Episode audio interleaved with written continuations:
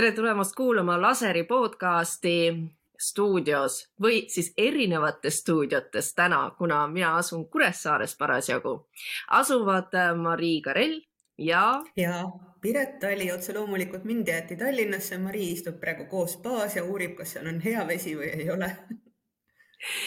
aga me räägime Laseri podcastist äh, täna Slapist, äh, peaministri moraalsest kompassist, äh, Facebook Marketplace'ist, miks seal müüakse illegaalseid tooteid ja mis selle vastu teha saab.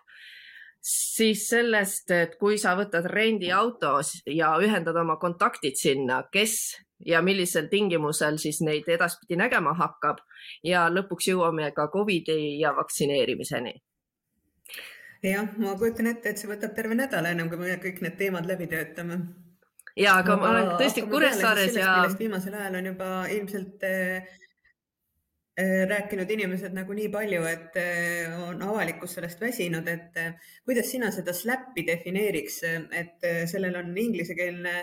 pikk termin, strateegilised kohtuasjad avaliku osalemise vastu ja noh, kogu see kampaania Eestis ju läks lahti põhimõtteliselt sellest, miks sellest rääkima hakati. Oli Päevalehes ilmunud äh, arvamusartikkel, kus filosoofia õppejõud Valdar Parve äh, sai hakkama väikse kalambuuriga Arvo Halliku suunal, et see oli mõnevõrra metafoorne kalambuur, millest võis välja lugeda, nagu oleks siis Hallik Kaja Kallase firmas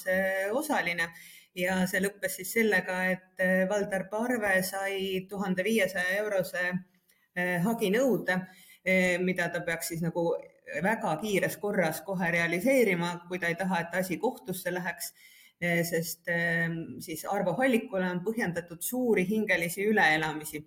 Et kas sina ajakirjanikuna tundsid, et see juhtum kuidagi puudutas sind, et sa hakkad kõvasti kontrollima, mida, kuidas ja millest sa räägid, et ei hakkaks selliseid imelikke haginõudeid või siis vaigistusnõudeid tulema, sest selle eesmärk ei ole ju see, et Valdar Parve nurka mängida, vaid see, et inimesed oleksid vait ja ei kritiseeriks. ma tahaks loota, et uurivad ajakirjanikud niikuinii kontrollivad oma fakte eh, täieliku täpsusega, aga kuna meil on täna õhtul ka eetris lugu Kaja Kallase siis abikaasa skandaalist või peaministri abikaasa moraalse kompassi skandaalist, siis pärast seda, kui ma nägin, et Arvo Hallik saatis tõesti nõude välja arvamusartikli kirjutajale, saatsin ka mina meie loo ekstra juristile vaatamiseks, sest et SLAP on väga kaval meetod ajakirjanike ja arvamusliidrite kurnamiseks ja ma absoluutselt ei ole huvitatud mitte mingisugusest SLAPist. ja ma tahtsin nagu olla igati siis välistada selle variandi, et äh, meile võidakse SLAP teha aga slap on kahjuks siis nagu maailmas väga-väga tuntud kurnamistaktika, mille eesmärgid on vaigistada arvamusavaldaja või ajakirjanik, siis kurnata teda kurnata teda juriidiliselt ja rahaliselt, viia ta sisuliselt pankrotti ja hävitada absoluutselt inimese maine. ja see on meetod, mida on kasutatud mitmetes riikides, et äh, kas sa mäletad, kunagi oli Malta ajakirjanikuga mm, selline lugu, et ta uuris äh, korruptsioonivõimalusi Maltal? Jah, see oli siis äh, Daphne Caruana ja Galicia või Galicia, kes oli siis jah, kaks tuhat seitseteist ja, ja ta oli vist hetkel nagu Malta üks tuntumaid uurivaid ajakirjanikke ja, ja selleks hetkeks, kui ta äh, Äh, kui ta, kui ta kaotas elu, oli tal nelikümmend kolm tsiviil ja viis kriminaalasja.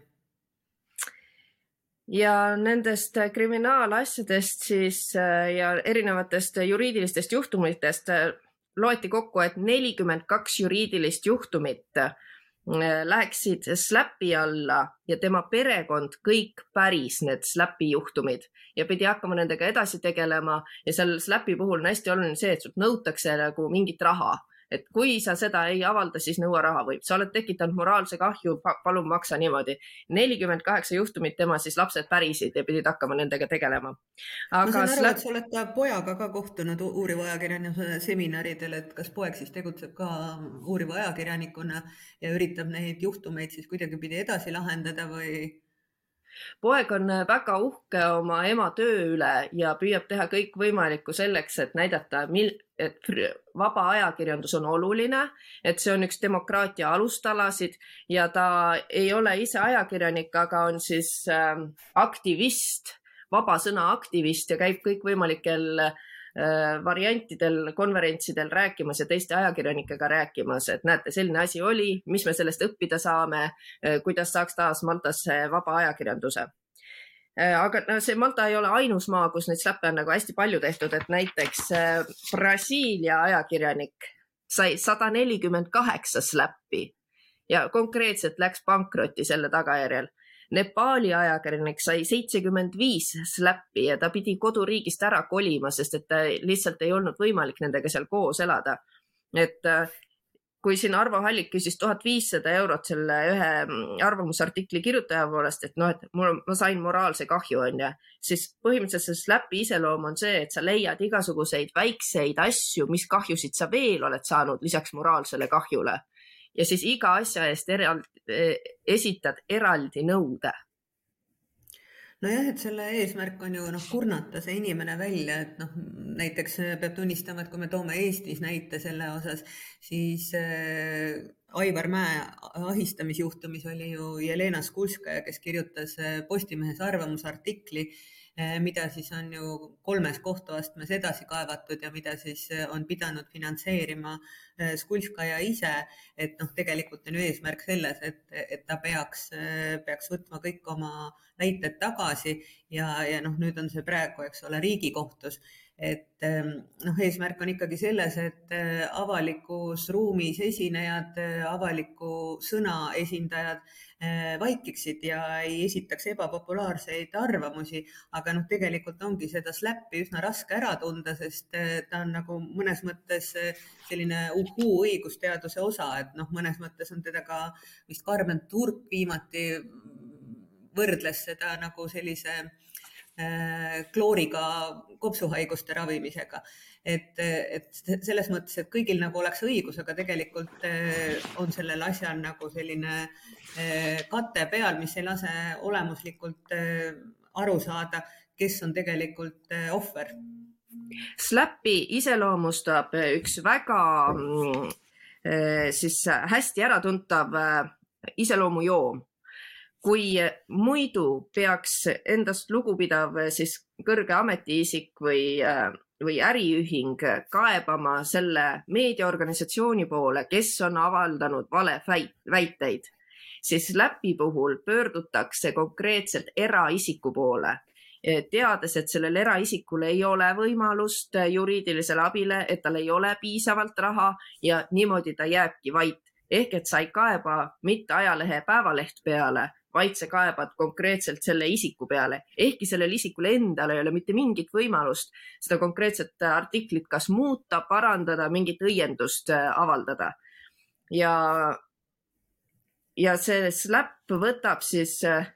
kõige väiksemad ja haavatavamad tegelased. Äh, näiteks on ka teada, et noh, ühele blogerile tehti neliteist läppi, kui sa oled eraisik ja saad neliteist läppi, siis sellega lihtsalt ei ole võimalik hakkama saada. nii et kui Eestis oleks selle eh, Kaja Kallase abikaasa juhtumi puhul olnud noh, loogiline see, et sa võtad lihtsalt telefoni, helistad sinna toimetusse ja ütled, kuulge, kas te ikka ise lugesite läbi, mis arvati, et mis, mis, mis te avaldasite, et, et mulle tundub, et te olete siin teinud liiga, palun võtke maha, see on vale fakt, onju siis selle asemel lihtsalt otsustas Arvo Hallik saata välja nõude ja küsida tuhat viissada eurot mm.. no siis on ka küsimus, et, et, et noh, mis nagu need hingelised üleelamised on, millele ta viitas ja, ja kuidapidi need on mõõdetavad, et noh, Eesti siis keskmise keskmise sissetulekuga, kuupalgaga, eks ole, et, et noh, kas see on nagu siis nagu võrreldav sellega, et mida on ühiskonnale tervikuna see juhtum põhjustanud, see on ju kordades eh, suurem, et, eh, et kui meie tegelesime siin eh, laseris sellesama moraalse kompassiga ja isegi kui sa nagu juristiga selle üle vaatasid, noh, see ei anna ka kahesajaprotsendilist kindlust, et sealt ei õnnestuks välja kaevata väidet, sest küsimus on ju selles eesmärgis vaigistada erinevaid aktiviste mitte selles, et kas nüüd on kellegi õigusi riivatud või mitte, et see õigus, õiguste riivamine on ainult nagu selle asja mimikri või, või kaitsekiht. kes kõige sagedamini slappi teevad? et äh, statistikat on siis tehtud ka üle maailma selle kohta ja kõige sagedasemad släppijad on A ärimehed ja B äh, mõjukad poliitikud. selle Eesti juhtumi puhul on, mulle tundub, et mõlemad esindatud,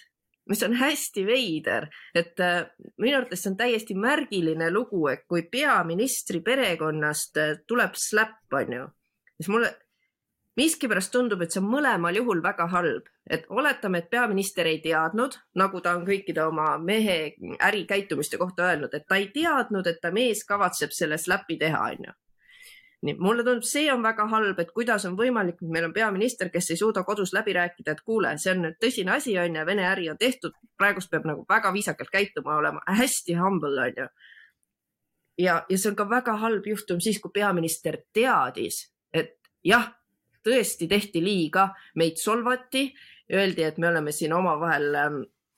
et mina olen sinu firma nagu omanik, on ju, et see ei ole õige, et teeme selle slap'i ära. Siis ma mõtlen appi, see ei ole võimalik, et meie peaminister on, on asunud äh, sellisele jõupositsioonile, et ta hakkab äh, vaigistama eraisikuid. et Eestis no, on ju kõikidel kõigi numbrid olemas ütleme nii, et, et ilmselt Valdar Parve ei ole olnud kõige sõnakam inimene, kes selles teemas on sõna võtnud, et noh, selles mõttes on ilmselgelt näha, et tegu on võib-olla kõige, kõige nõrgema lüliga ja, ja noh, põhimõtteliselt, kui ta oleks edasi läinud kohtusse, oleks see lõppenud võib-olla viis korda väiksema summaga, mida välja mõista, aga mitte keegi ei tahaks siis äh, kanda neid kohtukulusid, kuigi tegelikult ilmselt kohtus läheksid need kulud siis sellele, kes on äh, kaevanud aga, aga jah, imelik on see, et ähm, Euroopas haritud perekond siis läheb nagu sellisele teemale ja noh, samas on hea, et see SLAP on nagu avalikus ruumis tõusnud selliseks arutelu objektiks, mis aitab ka kindlasti nagu avalikku ruumi puhastada, sest ajakirjanikena oleme me kõik kokku puutunud sellega, et meid ühel või teisel kombel ähvardatakse. ja noh, nüüd mõnes mõttes on ajakirjanikud kõik need lood kapist välja lasknud ja noh, halb on see, et et kui see nagu on teistpidi ühes äh, suunas erinevate juristide armeega, et siis sa paratamatult tunned, et sa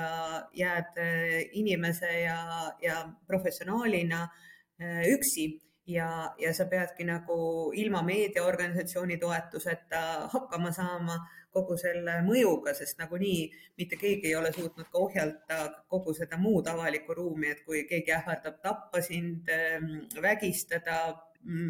pöörduda sinu laste vastu, et noh, kuna Eestis seadusandlus nagu ei kaitse sind veel selle eest, et noh, praegu hakatakse ju arutama kõiki neid vihakõne teemasid, aga, aga et, et, et kogu see SLAP on oluliselt nähtamatum, oluliselt õelam ja oluliselt kulukam. Ja ma ei taha üldse kuidagi pisendada seda slappi, mis praegu tuli ähm, Valdar Parvele, sest et see tuli peaministri perekonnast ja slap on ohuks ajakirjandusvabadusele ja demokraatiale. et see on fakt ja kui see tuleb nii kõrgelt, siis seda slap'i hakatakse üha enam kasutama ja lõpuks keegi ei julge midagi öelda, mis on väga halb üldse demokraatlikus ühiskonnas. aga et mida siis soovitatakse selle slap'i vastu nagu teha, et kuidagi peaks ju inimesed ennast kaitsma, et kui see slap on mingisugune asi, mida juriidiliselt on raske tuvastada, eh, siis eh, lühike ja lihtne vastus on, et kui sind on släpitud, mida sa siis teha saad? mitte midagi ei noh, kokkuvõttes noh, ainus, mis aitab ju seda avalikku ruumi puhastada, ongi see, et eh, sellest räägitakse ja kuna see on tõusnud teemana nii ülesse praegu, et ilmselt meediaorganisatsioonid tegelevad sellega rohkem kui nagu avalikkusele see Eh, korda läheb, sest enamik eh, võib-olla selliseid kodanikke nagu reaalselt ei puutu sellega kokku, võib-olla siis ainult korteriühistu koosolekul, kus keegi ütleb kellelegi mingeid näotusi ja mitte midagi teha ei saa. aga, aga et noh, põhimõtteliselt ei pruugi ju selles läbiohver olla mitte ainult ajakirjanik, vaid ka mis iganes eh, blogija meeleavaldusel osaleja, keegi akadeemik on teadustöö teinud, et noh, neid puudutatud isikuid, nii-öelda puudutatud isikuid võib tekkida nagu igas juhtumis. ja kui Aga ma noh rääkisin no... siin demokraatiast, et siis Euroopas on üks riik, mis paistab silma eriliselt suure hulga släppidega. see riik on Ungari kus praegu on võimul mitte eriti demokraatlikud jõud, et ma tõesti ei tahaks nagu Eestiga sinnamaani jõuda. No samas, mida ütleb meie avaliku ruumi kohta see, et meie siis äh, esiperekonnast see asi nüüd on äh, märgilise tähendusega lahti läinud, et, et kas me nüüd astume sammu, eks ole, Ungari poole või astume sammu Euroopa poole, sest äh, Ameerikas ja Kanadas on seda SLAPi suudetud juba ühel või teisel moel ohjata, aga Euroopas ilmselt tänu sellele, et liikmesriigiti on äh, juriidilised süsteemid erinevad, on olnud seda raskem äh, kohandada ja kas mitte Euroopa Nõukogu ei tegele just sellega, et äh, töötada välja seadusandlus. Et noh, kui kuue kuu pärast võib-olla meie peaminister maandub kusagil ametkohal Euroopa instantsides, siis ta hakkab ise seda seadust välja töötama ja see oleks talle meeleparanduseks võib-olla päris kohane Euroopa Komisjon on just äsja võtnud välja vastu SLAPi vastase direktiivi ja Eesti siis äh, saadikutest kuulub sinna mm, Yana Toom, kes on selle direktiivi siis äh, töötamise juures olnud. aga see probleem on see, et see kõlab küll nagu SLAPi vastane direktiiv, et aa, nüüd on kõik kontrolli all, on ju. aga tegelikult see direktiiv äh, kontrollib ainult siis piiriüleseid suhteid ja et igale liikmesriigile liikmesriigile öeldakse, et kui teie riigi sees tehakse SLAPi, et siis katsuge harida oma juriste vastavalt, et nad suudaksid SLAPi ära tunda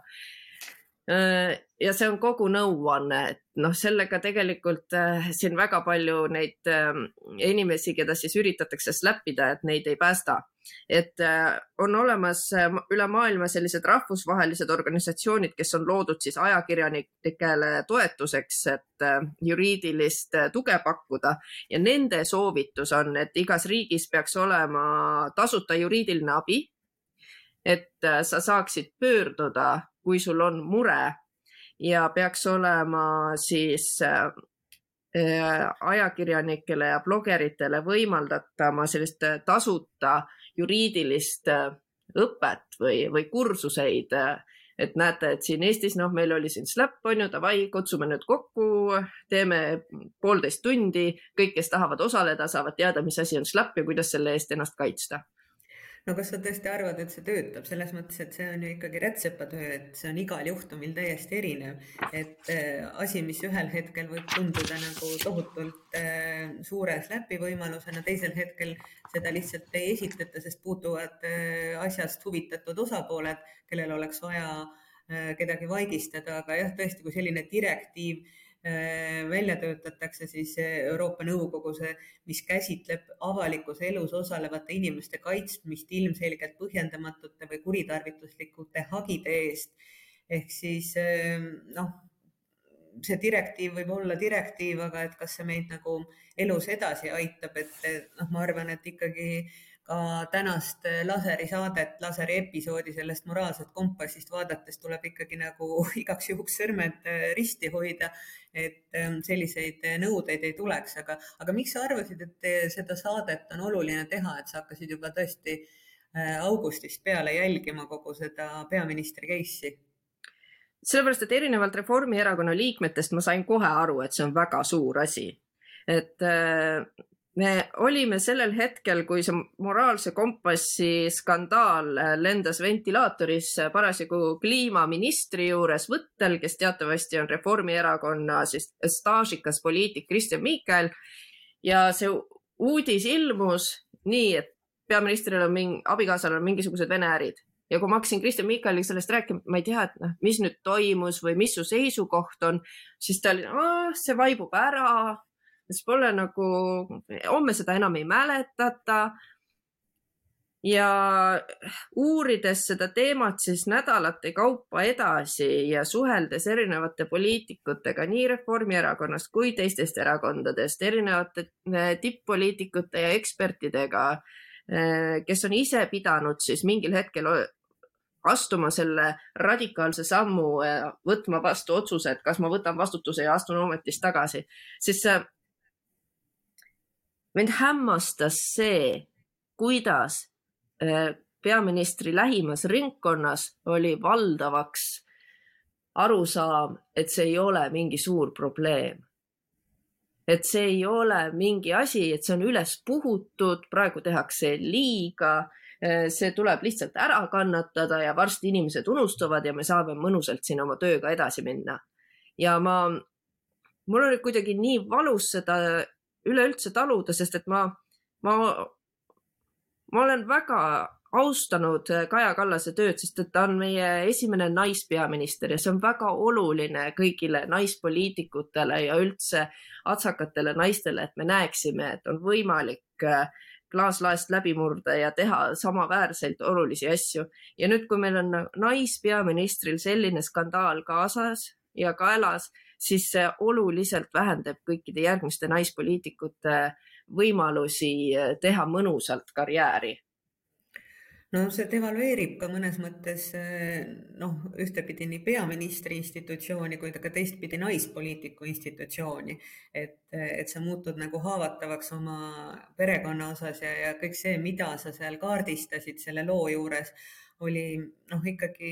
väga valus kirjeldus madalast poliitilisest kultuurist. just seesama komisjon, millest me juba oleme korduvalt rääkinud, kus enam ei saa aru, kuidas poliitiline kultuur on muutunud nii madalaks pori loopimiseks, mille kohta siis tõesti Kersti Kaljulaid ütles, et, et, et see on nagu mudast veel madalam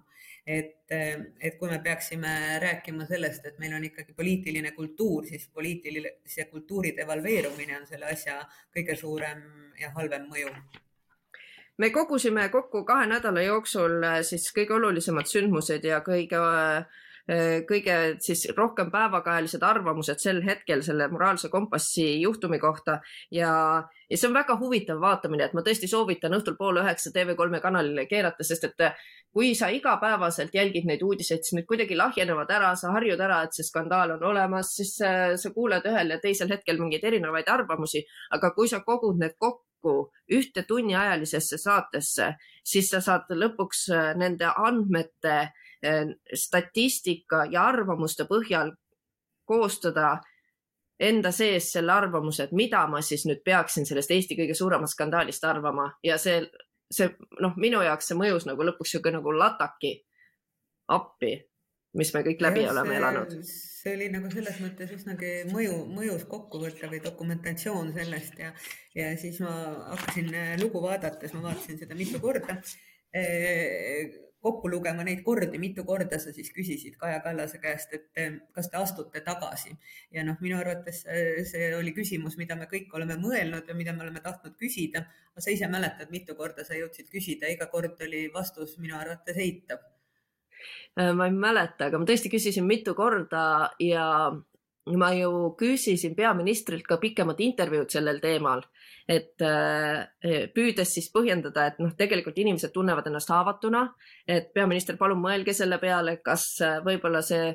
oleks äh, mõnus koht arutamaks, et mis siis tegelikult juhtus, võib-olla siiraks vabanduseks, kui te olete selleks valmis. Ehm, aga peaminister lükkas selle tagasi mis ei tähenda seda, et ma ei vestle temaga, et ma käin erinevatel konverentsidel ja erinevatel äh, siis äh, sündmustel ja muudkui esitan talle neid küsimusi. ja mõned neist on tõesti sellised, äh, mida ei ole enne küsitud ja mõned on neist sellised, millele ta tahab vastata ja mõned, millele ta ei taha vastata. just, aga kui me jätame tänase saate rahule, siis ja, ja kui inimesed vaatavad selle ära, siis ma saan aru, et laser on saanud omale siis väikese õe või venna lasertehi näol ja Eh, seal tuleb ka järjest eh, selliseid huvitavaid lugusid, mis peaaegu niidavad jalust erineva põlvkonna inimesi ja, ja ma võib-olla arvan, et ma oma vanuse poolest ei ole sihtgrupp, aga lugu Facebooki marketplace'ist ma vaatasin küll huviga, mitte et ma tahaks hirmsasti omale mm, AirPod kahtesid osta ja, ja, ja osta neid mustalt turult. Ehm, siis ikkagi on nagu hämmastav tegelikult see, mis toimub nagu Eestis nii-öelda selles maailmas, kus võib-olla me igapäevaselt ise ei osale laser tõesti sai väikse Youtube'i kanalisse, Lasertech on selle nime ja kui te lähete Youtube'i otsima, siis äh, trükkige sisse at saade laser ja hästi oluline on see at märk ka sinna ette panna, sest me alles alustasime, meil ei ole seal väga palju fänne ja jälgijaid veel, aga lood on põnevad ja tasub neid vaadata. ja üks meie esimestest lugusid lugudest räägib siis sellest, kuidas Facebookis on kasvanud tõeline musta turu paradiis ja ma just hetk tagasi rääkisin oma emaga telefonis ja avastasin suure üllatusega, et mu ema teab Facebook Marketist palju rohkem kui ma ise. on seal korduvalt käinud kuulutusi vaatamas ja tahtnud ka ise kuulutusi ülesse panna. ja, ja tema, tal ei ole, noh, ei hangeldada mingisuguse Hiinast pärit AirPods idega või Dysoni föönidega aga et lihtsalt inimesed tõesti kasutavad seda igas vanuses ja omavahel kaupasid vahetavad ja mis meie siis oma loos tuvastasime, on see, et äh, sealt on tekkinud er eraldi äri, et kus sa ostad siis mingisugusest äh, Hiina firmast hästi odavalt endale eh, ihaldatud tooted. kaks kõige ihaldatumat tootegruppi olidki AirPodsid ja Dysoni föön. Dysoni föön vist originaalis maksab mingisugune kuussada eurot ja siis Issand, Facebook Marketis. no ja siis Facebook Marketis, Marketplace'is sa võid selle osta endale mingi saja viiekümnega ja AirPodside hinnad, issand, ma ei mäleta, mis need originaalis maksavad. igal juhul seal Marketplace'is sa saad need ainult kuuekümne. ja, ja no mis on oluliselt odavamad kui need originaalid no,. kahesaja ümber olid need äkki. ja, ja me eh, satume seal siis illegaalsete müüjate peale, kaamerate ees nendega kohtume tegemist on mingite alaealistega ilmselgelt, otsustades nende pikkust, vanust ja suhtlemisviisi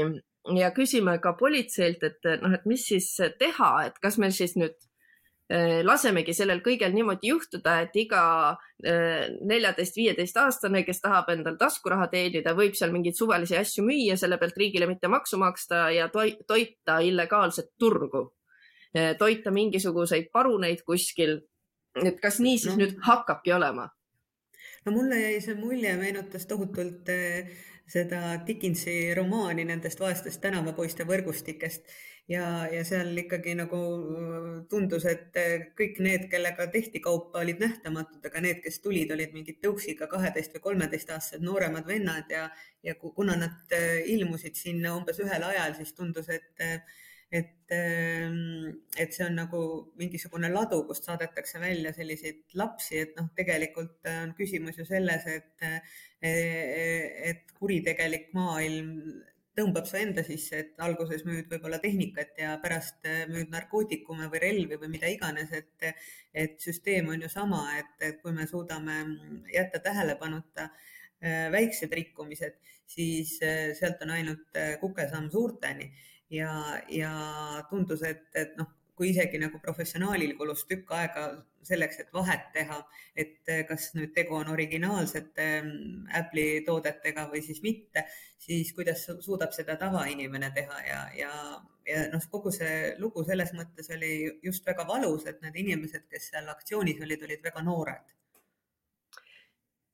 ja ei olegi ju mõtet ühekaupa, kuuekümne euro kaupa hakata siis politseil neid äh, tegelasi taga ajama, et see on tohutu ressursi ja energia raiskamine, et näed, ma ostsin siit mustalt turult kuuekümne euroga midagi, ma teen nüüd politseisse avaldusse, minge võtke nabige pätid kinni, ma näitan teile videoklippi ka, et kes seal oli ja nii edasi. et sellel ju selle süsteemi mõttes äh, see, see ei muuda mitte midagi mistõttu noh, olen ka palju kriitikat kuulnud selle meta platvormi kohta on ju, et, et miks see on niimoodi, et neil on tehtud selline platvorm, kus kõik vastutus lükatakse ära, et ah, see ei ole meie asi, mis meil siin ilmub et see on natukese nagu noh, Delfi kommentaarium on ju, et kas see on Delfi asi, mis kommentaarides kirjutatakse. oleme vaielnud selle üle, oleme jõudnud järeldusele, et tegelikult nagu ikkagi natuke see on, on ju. Meta puhul ka öeldakse, kuulge, kui teie platvormil toimub illegaalne turg, siis see on teie asi, see asi kontrolli alla saada, et see ei ole niimoodi, et te lasete sellel siin rahulikult äh, toimuda no kusjuures oli ju aru saada, et tegelikult kõik need kontod, mis olid äh, loodud, äh, olid äh, fake kontod ja, ja neid oli võimalik kõnetada samaaegselt, et see ei ole kindlasti nagu väike, väike võrgustik, mis sellega seotud on. et noh, ma olen ka Marketplace'i kasutanud ja, ja seal peab tunnistama, pead olema täiskohaga müüja, et sa seal üldse millestki lahti saaks, sest see on erakordselt tüütu ja ajamahukas töö. et see eeldab seda, et sul on nagu kogu aeg mingi terve tööstus, kes seal istub arvutite taga ja, ja siis esitab äh, neid pakkumisi, sest noh, nagu kokkuvõttes reporter Aria Helme, kes on tuntud ka roosa banaanikesena, ütles, et ei ole võimalik, et on nii palju noori inimesi, kes on korraga saanud äh, kingiks AirPodse ja tahavad nendest lahti saada, see lihtsalt ei ole võimalik aga see ei ole mitte ainus lugu, mis äh, Laserdehis on, et äh, seal on ettevalmistamisel äh, igasuguseid muid asju. mina näiteks olin üks päev sunnitud osalema selles tulise krõpsu challenge'is ja, ja noh, ma olen nüüd siiamaani elus, aga, aga, aga, aga see, mis puudutab rendiautosid, huvitas mind oluliselt rohkem see lugu, mis on alles töös. et ma olen ka korduvalt Bolt Drive'i kasutanud ja olnud sügavalt hämmingus, kui raske neid on hankida, sellepärast et näib, et inimesed enam ei kasutagi eraautosid, et sa pead ikkagi book ima selle auto eelnevalt ära, kui sa tahad, et, et saja meetri pärast ta sinu jaoks olemas oleks. et tänavad on neid rendiautosid täis, neid on tõesti sadu ja tuhandeid. aga, aga noh, kokkuvõttes eh, tekib küsimus, et kuidas ja mis. seal rendiautode puhul see lugu sai alguse sellest, et äh, iga kord, kui ma sinna sisse astun ja ühendan oma telefoni autoga, siis äh, mul tekib küsimus, ähm, kas see auto tõmbab kõik need minu andmed minu telefonist sinna autosse. Ja et kui istub sinna autosse järgmine inimene, kas ta siis tõesti saab kõikidele nendele minu kontaktidele helistada, kelle ma olen just sinna autosse tõmmanud? Ja ma tegelikult see on natukese hirmutav isegi arvestades, jah, arvestades telefoniraamatut, mida eh, see kahekümne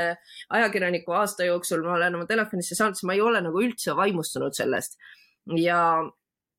me hakkasimegi siis uurima seda, et mis saab nendest kontaktidest, et kui sa võtad rendiauto, siis sa ju näed ka, et kelle telefon sinna on eelnevalt ühendatud olnud. et sa näed ees perekonnanimega, et noh no,, Piret Tali on sellega sõitnud, onju. ma väga harva kui... ühendan oma telefoni ära, ma lihtsalt ei viitsi aga kui sa laed juhtmega oma telefoni, siis sa tegelikult ühendad selle autoga ära ja see on mingi, mingi ports andmeid, mis tegelikult istub seal ja et kas neid on võimalik sealt kuidagi kätte saada ja siis on need ports andmeid mis äh, läheb siis autorendifirmadele, mis nad nendega edasi teevad. kas see jõuab kus? kuhu siis? just, et see kõik on nagu väga põnev, et äh, seda me siis mm, äh, seal loos ka uurime ja see, seda enam, et üha rohkem inimesi tõenäoliselt otsustab rendiautode kasuks Äh, kuna isikliku auto omamine on läinud väga-väga kalliks ja autode hinnad on tõusnud kolmteist protsenti. Ja Ameerikas nad tegid sellist statistikat, et kui sa, et aasta jooksul, et kui sa oled nüüd autot liisinud, et siis keskmiselt kulub sul aasta jooksul kaksteist tuhat dollarit auto pidamisele, mis tähendab siis, et tuhat dollarit kuus. no see dollari-euro kurss on nagu suhteliselt sama, on ju, et kui sa Eestis praegu uue auto liisiksid, siis sul kuluks tuhat eurot kuus see on metsik summa. See on tõesti metsik ja noh, rendiauto puhul sa oled ju päästetud igasugustest asjadest nagu rehvivahetus või, või, või tankimine. tankimine on peaaegu tasuta, et noh, kütusehinnad on ju ka kosmilised ja, ja noh, kas tänapäeval siis inimesed üldse tahavad omale mingit sellist nuhtlust kaelaga, mis neid andme eh, andmetöötlusprogramme puudutab, siis ka sooritasime siis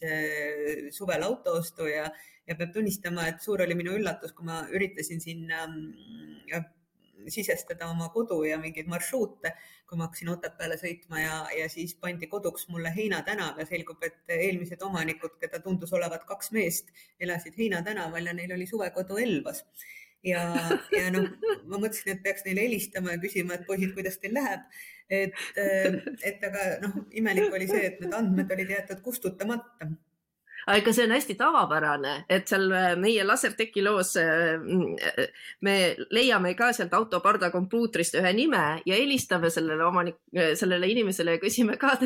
samamoodi, et kuule, kuidas sul läheb, onju. et sa sõitsid selle Bolti autoga, et kuidas sul läheb ja tegelikult inimesed ei ole endale teadvustanud, et kui palju märke me niimoodi endast järele jätame nojah, et kui me siin kõik oleme vahel tegelenud selle andmetöötlusega, siis mitte keegi täpselt ei anna endale aru, kuhu ja miks neid andmeid meist eh, maha jääb, et põhimõtteliselt see digitaalne jalajälg on võrreldes kõikide muude jalajälgedega täiesti metsik. et see on nagu asi, mida nagu ühiskonna puhtuse ja isikliku eh, puhtuse osas tasuks jälgida, et kus ja mida sa siis endast maha jätad ja et ma ei tea, et kuidas sa näiteks suhtud oma laste piltidesse, et äh, on tehtud ka mingisuguseid uuringuid selle kohta, et kui lapsed saavad täisealiseks, siis neist on internetis ilmunud juba kolmteist tuhat äh, fotot ja videot, äh, ilma et nad ise oleks selleks nõusolekut andnud no eks ma üritan ennast vaos hoida selles osas, aga eks ma vääratan ka, sest noh, vaata lapsed ja koerad ja kõik nad on nii väga nunnud, et noh. nii nunnud? Ja nad on nii nunnud, et vaata minu pilte ei like'i mitte keegi nii palju kui nende pilte. et, et, et noh, võib-olla siis nagu selles like'i jänus pannaksegi mingisuguseid üsna tobedaid lugusid lastest, et vahetevahel vaadates nende inimeste postitusi, siis mul on siiralt nagu nendest lastest kahju, kellest see kõik mingil kujul maha jääb ja hoidku taevas, kui nende sõbrad selle kõik avastavad ja sellest mingisuguseid meeme hakkavad tootma. aga jah aga lastest rääkides, siis ähm, tõesti võtame järgmise teema ette, sest sügis on nüüd lõplikult kohale jõudnud, isegi ilmad on hakanud külmemaks minema, mistõttu on üle maailma kuulda ka sellest, et jälle järjekordselt see lollakas Covid on tagasi. Mingisuguse uue tüvega, mingisuguse uue lainega. Ja erinevates riikides ikkagi soovitatakse teha Covid vaktsiin taaskord. Ja et võib-olla siis teha seda koos gripisüstiga ja kas sa oled ja. mõelnud enda ja oma laste vaktsineerimise peale? see oli küsimus praegu, kas ma olen mõelnud või? ja, äh, ja. ma, ma täpselt ei kujutagi ette, mis vaktsiine mul juba nagu tänu sellele Covidile sees on, et, et mind on ikka nagu korduvalt vaktsineeritud ja, ja meil on terve nagu perekond ka vaktsineeritud. huvitav, mitu, mitu seda Äh, SLAP-i nüüd me saame erinevatelt organisatsioonidelt, kui me julgeme tunnistada, et lapsed on vaktsineeritud, aga ma gripivaktsiini ei ole mitte kunagi nagu viljelenud, et äh, erinevates meediaorganisatsioonides äh, on kampaaniate korras neid sügiseti tehtud, et kuna sa puutud kokku ikkagi väga paljude inimestega, et aga noh, gripivaktsiinidega on minu arvates nagu kiirmoega, et kui sa selle vaktsiini saad, siis see tüvi ei ole enam moes et, et, et võib-olla nagu selle Covidi uue tüve puhul peab tunnistama, eile ma helistasin paljudele inimestele, kahel neist oli juba Covid. et, et. kahel juba oli jah? no vot. Nagu, jah, kahel juba oli, et, et noh, kuigi nagu ametlik statistika seda nagu nii suurelt veel ei näita, aga, aga noh, soovitatakse Eestis ikkagi nagu kõik need riskigrupid nagu üle kuuekümne aastased ja, ja alaealised ära vaktsineerida, aga noh eks see nagu jälle ju toob kaasa selle, et, et kas ja mida ja kuidas ja, ja noh, kui Eestis on praegu ikkagi ka aktuaalne see vaktsiinikahjude hüvitamise teema, et, et seda ei suudeta mitte kuidagi menetleda, siis eh, inimesed on võib-olla kogu selle ajastu järgi nagu skeptilised. Eile tuli ka uudis selle kohta, et mRNA põhiste koroonavaktsiinide loomise eest pälvisid eh, kaks füsioloogia ja meditsiiniteadlast äh, siis Nobeli preemia, nende nimed on Katalin Kariko ja Drew Weissman. Ja nad tegelikult selle mRNA, mRNA põhiste vaktsiinid nad lõid juba oma kümme aastat tagasi. aga tõesti, see tähthetk jõudis kätte siis koroona aastatel, kui hakati neid koroonavaktsiinides kasutama ja huvitavana to tuuakse siin välja siis statistika Eesti kohta, et näed, et need mRNA vaktsiinid on nii head, et need on Eestiski päästnud ära vähemalt tuhat nelisada surma. ja kui me nüüd mõtleme võrdluseks kõrvale, et siiski Eestis oli kolm tuhat koroonasurma, siis kuidas neid surmasid ikkagi rohkem oli kui vaktsiini kasu?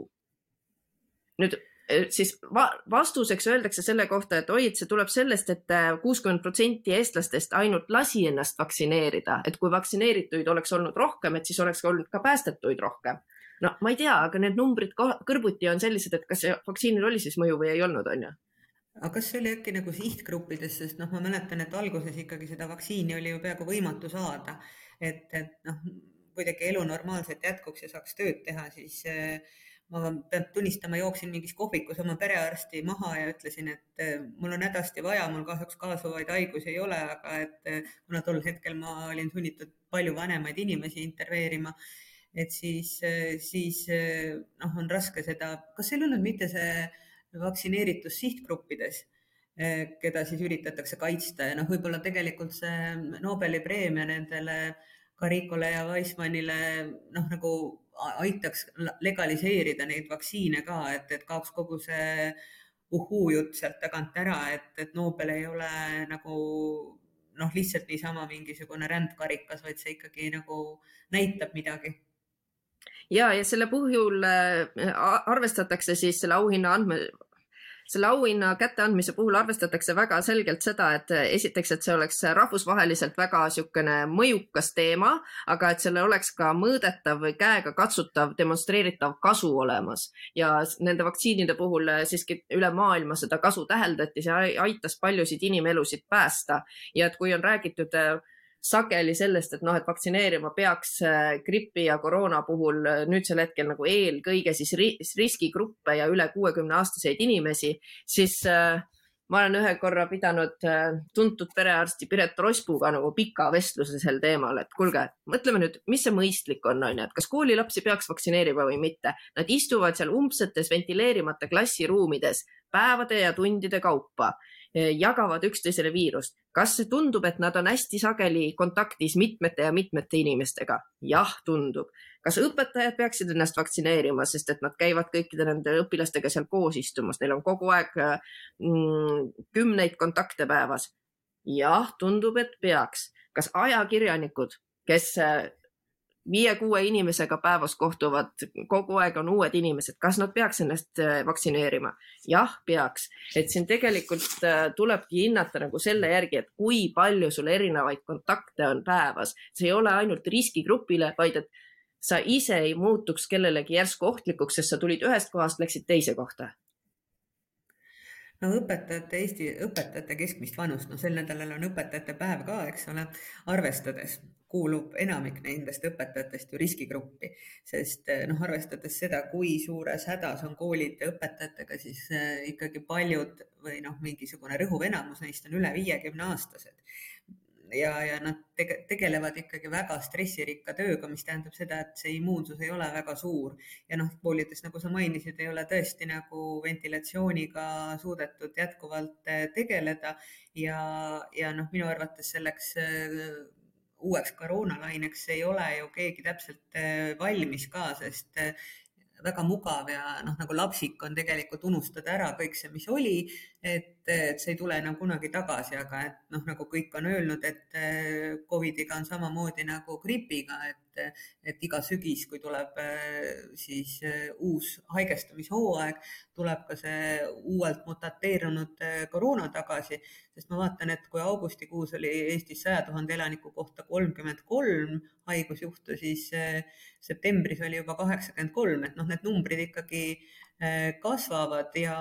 ja, ja noh, just nendes nagu vanemates, vanemates osades ja, ja siis ma ka vaatasin, et kui kaugele on jõudnud siis ravimite müük, et tegelikult ju Covidi vastu on Eestis äh, võimalik äh, või lubatud siis müüa kaheksat erinevat ravimit. Et noh, ja mis asjaoludel ja kuidas neid keegi saaks siis osta või tarvitada, see hakkas mind nagu tõsiselt huvitama, et, et, et noh, ja kas neid siis tarvitatakse pigem selles olekus, kus keegi on juba raskelt haige või siis mitte. ja, ja noh, mis puudutab seda õpetajate, koolide ja vanemate inimeste teemat, siis äh, jah, et, et noh, hea on see, et need inimesed sinna kooli ikkagi alles jäävad ja meil ei tule nagu suur streigilaine võimaliku õpetajate palgatõusu osas aga mis sa siis said teada, et ma tean, et Ameerikas Paxloviidi, mis on Covidi ravim, kirjutatakse välja ainult väga-väga-väga-väga haigetele inimestele, kes on haiglasse sattunud ja siis hakatakse neid ravima, et see ei ole niimoodi, et oh, sops, see jäin Covidisse, nüüd lähen võtan apteegist selle ravimi välja ja ülehomme olen terve. No see Paxlovid on Eestis ka siis nagu ravimite nimekirjas, mida saab hankida, aga et noh, seal eeldatakse, et, et see vähendab haiglaravi ja siis on äh, erinevaid põletikuvastaseid ravimeid erinevate toimeainetega, et tegelikult ravimitööstus töötab nende ravimitega, aga, aga jah, kui tõhusad need on, et noh, nad ilmselt aitavad kõige traagilisemat ehk siis surma ja seda hapnikuvaegust ära hoida. Ja noh, neid ravimeid on tõesti siis ju kaheksa, aga et noh, kui kiiresti siis jõuab meditsiin ja ravimitööstus nendele erinevatele uutele tüvedele järgi.